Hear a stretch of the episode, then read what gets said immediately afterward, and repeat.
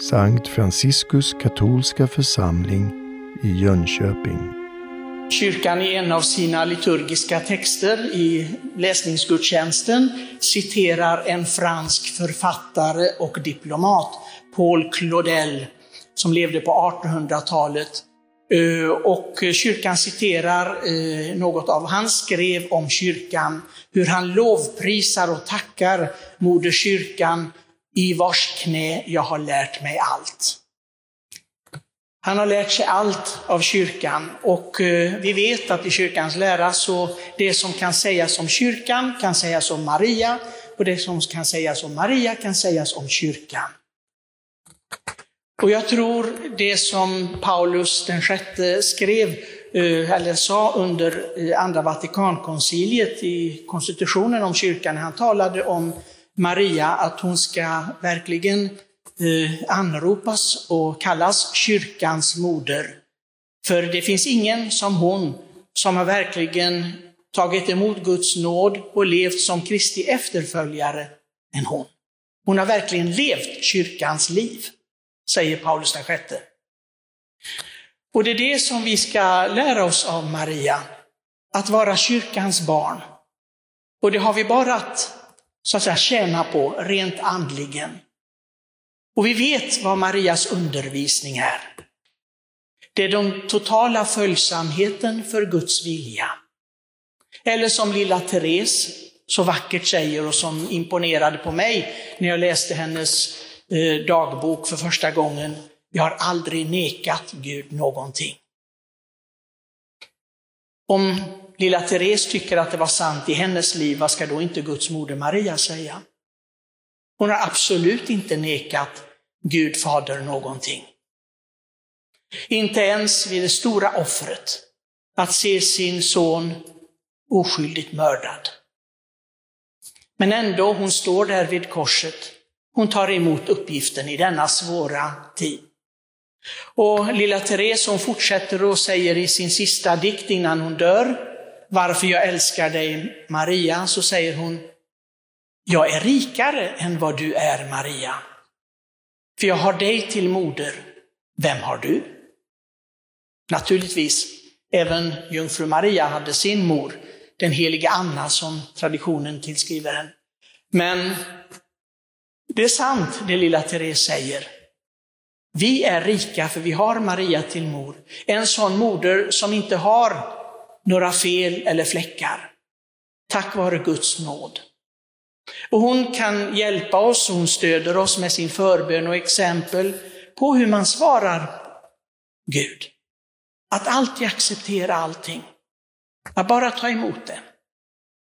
Att aktivt leva, det är ingen passivitet. Det låter som passivt, men det är det sannerligen inte. För är det passivt, då kan man också bara genomlida Guds vilja och lida under det att man gör det. Men Maria, det kan vi vara säkra på, inte gör det. Utan hon aktivt, så att säga, med sin vilja, med sina känslor, med allt, säger ja. Hon visar på att det är på det viset. Även i osäkerheten så går hon till Elisabet och det är den andra lektionen vi får av Guds moder. Att alltid lovprisa Gud, hur det än ser ut i livet. Och vilken osäkerhet man än lever i. Min själ prisar Herrens storhet. Min ande jublar över Gud, min frälsare. Hon var omkring 16 år när hon uttalade dessa ord. Jag undrar vilka 60 eller 80-åringar som har lärt sig att uttala sådana ord. Min själ jublar över Herren min Gud. Jublar vi verkligen? Gör vi det? Om vi inte gör det så är vi inte Marias barn. Det är en sak som är säker. Om vi inte kan jubla över Gud, vår frälsare.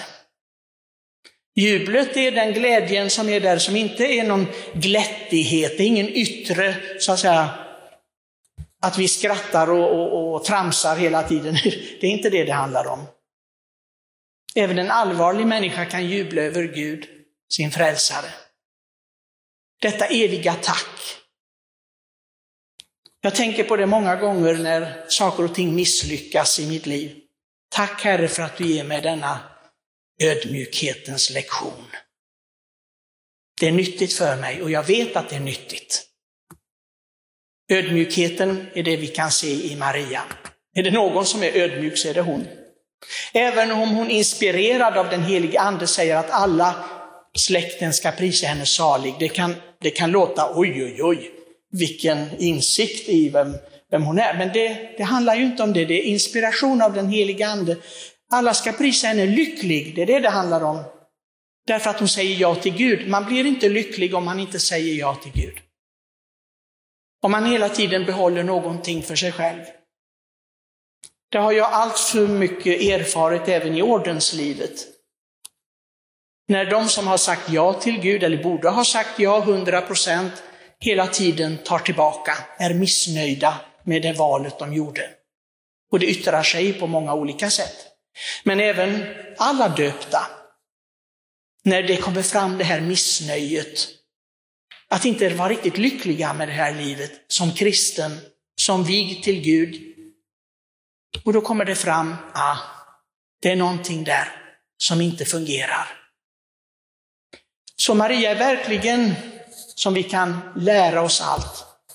Och hon som också ger sitt, det kyrkofäderna skriver, andliga testamente, och det är ju vid bröllopet i Kana. När hon säger, det är det som hon har att ge, ge till oss. Gör allt vad han säger till er. Det säger hon till tjänarna vid bröllopet. Gör allt det som Jesus säger. Gör vi det? Jag tror att vi har mycket att lära oss än. Jag, jag, känner inte så mycket Paul Claudel, om han verkligen levde upp till det han, han säger, eller sa då, skrev om att han hade lärt sig allt ur kyrkans knä. Det vet jag inte. Men däremot så känner man ju sig själv.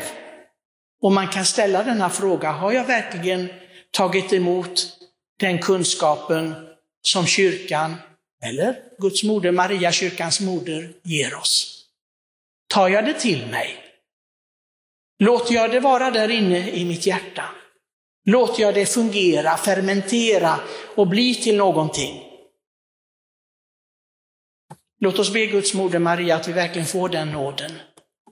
Att inte Herren en dag på domens dag ska säga det var onödigt det jag gav dig. Det gav ingen frukt. Det var helt meningslöst. Jag hoppas inte få höra de orden när jag själv ska ställas till doms, som vi alla andra ska göra. Utan verkligen få, säga, få höra Herrens ord, kom in i mitt rike, du min trogne tjänare, du min vän. Precis du har lyssnat till Guds moder Maria, till min moder, du har tagit det till dig, du har försökt leva det. Och det gläder mig. Jag hoppas att Herren ska säga de orden. Så låt oss verkligen ta till oss Guds moder Marias, ja kyrkans undervisning och försöka leva detta. För det har vi bara att känna på.